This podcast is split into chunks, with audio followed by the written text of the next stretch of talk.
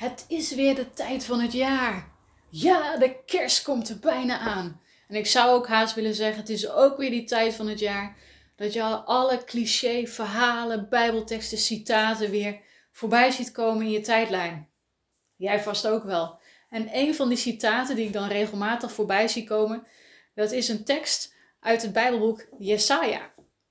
Jesaja, een profeet, een profeet van God, die spreekt namens hem en die soms ook iets vertelt over wat er in de toekomst gaat gebeuren, wat er nog te, ons te wachten staat, wat we mogen verwachten.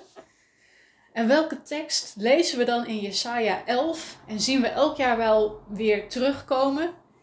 Dat is een tekst waarvan mensen denken en zeggen dat gaat over Jezus, de beloofde Messias, dat kind dat geboren zou gaan worden.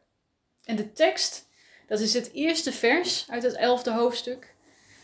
En misschien herken je hem wel als ik hem voorlees. Dat is uit de stronk van Isaïe schiet een telg op. Een scheut van zijn wortels komt tot bloei. Ik zie dan zo'n citaat voorbij komen en denk mooi, leuk, aardig. Maar ik denk, ik heb het al duizend keer gelezen. En wat betekent het nou eigenlijk echt? Dat ene vers, er is toch wel meer context dan dat?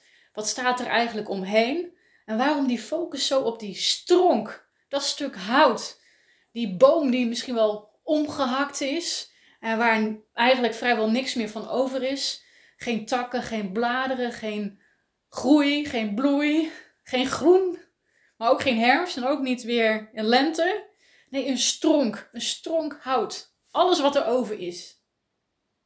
Het maakt mij eigenlijk wel dit jaar opnieuw nieuwsgierig. Misschien is het mooi om eens met elkaar uit te zoomen, wat achterover te leunen en te kijken waarom deze tekst misschien toch niet cliché hoeft te zijn. Waarom deze tekst misschien toch voor mij nu vandaag toch belangrijk is en hoe bijzonder het is. En als ik dan in Jesaja een beetje blader en verder lees en ook terugkijk, dan kom ik bijvoorbeeld in het zesde hoofdstuk uit. En dan het laatste vers van Jesaja. En dat is het dertiende vers. En dan gaat het ook over die stronk. En dan staat er zelfs dat het, dat het enige nog is wat er is overgebleven. Want wat staat er in dat vers? Er staat: er blijft slechts een stronk over. En het zaad in die stronk is heilig. Het enige wat over is. Dus er was meer. Wat was er dan meer om die boomstronk heen? En wat is dan verdwenen? Wat is kwijtgeraakt? Wat wordt er gemist? Nou, dat lezen we vanaf het elfde vers in dat zesde hoofdstuk. Steden en huizen. Steden in huizen. Ze zijn geheel verlaten. Er woont geen mens meer. Het hele land verwoest. Het is één grote woestenij geworden. Mensen weg. Totale verlatenheid heerst daar in dat land. En ja, wat er dan nog is overgebleven, slechts een tiende deel. Nog geen 10% van wat er was. En zelfs dat, het gaat in vlammen op. Geveld door een vuur. En er blijft dus niets over, behalve een stronk.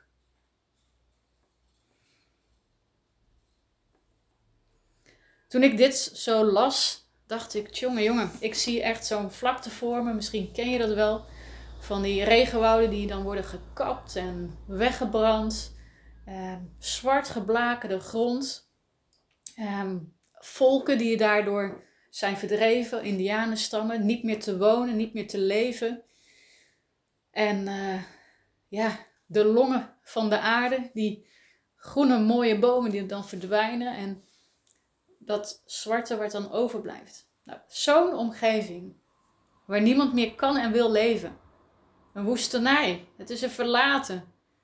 Het is zwart. Er is niets meer over. En wat er over was, is weggebrand. Behalve die ene stronk. als ik zo uitzoom, denk ik wat bijzonder. En uh, snap ik een beetje meer waarom het bijzonder is dat die stronk wordt genoemd en dat daar de aandacht op is. En van de buitenkant denk ik, valt dat misschien niet eens op. Van de buitenkant zie je misschien niet eens dat daar binnenin iets verscholen zit. Dat daar iets gaande is. Nog onzichtbaar. Maar wat wel komt. En wat wel verwacht mag worden. En dat zegt Jesaja ook. Het komt. Het komt. We lezen in het zesde vers nog over zaad. Dat heilig is en dat in die boomstronk verstopt zit eigenlijk. En in, in hoofdstuk 11 lezen we dan dat inderdaad daaruit een telg gaat opschieten. Een scheut van zijn wortels komt tot bloei. Een telg. Hè, en wat mensen denken, een kind komt. Het kerstkind. En uh, ja, het is een boom, stukje boomstam. Maar heeft eigenlijk ook te maken met de stamboom. De stamboom. Want hier wordt een naam genoemd. Isaï. En dat uit die stamboom, uit die stam, dat daar iemand uit voortkomt. Iets bijzonders. Iets wat alles overtreft. En wat er ook gebeurt, is nog steeds en zal. Er is iets. Er is iemand wat altijd zal blijven bestaan. Wat voor woestenij. Wat voor verlatenheid. Wat voor uh, zwart geblakerd, verwoest leven uh, er is persoonlijk in het leven van mensen op de wereld. Er is iets, er is iemand dat blijft. En die verwachting, die verwachting, in die tijd leven we nu richting kerst. En hoe bijzonder is het dat er dan een profeet is die daar al over mag schrijven, die daarover mag spreken. En dat dat daadwerkelijk ook, gebeurd is. En dat wij nu, jij en ik, ook vandaag, ook dit jaar, weer opnieuw mogen stilstaan erbij. Dat wat er ook gebeurt, wat er ook in jouw leven speelt, wat er ook voor gekke dingen er in de wereld gebeuren. En je hebt er soms zo weinig invloed op.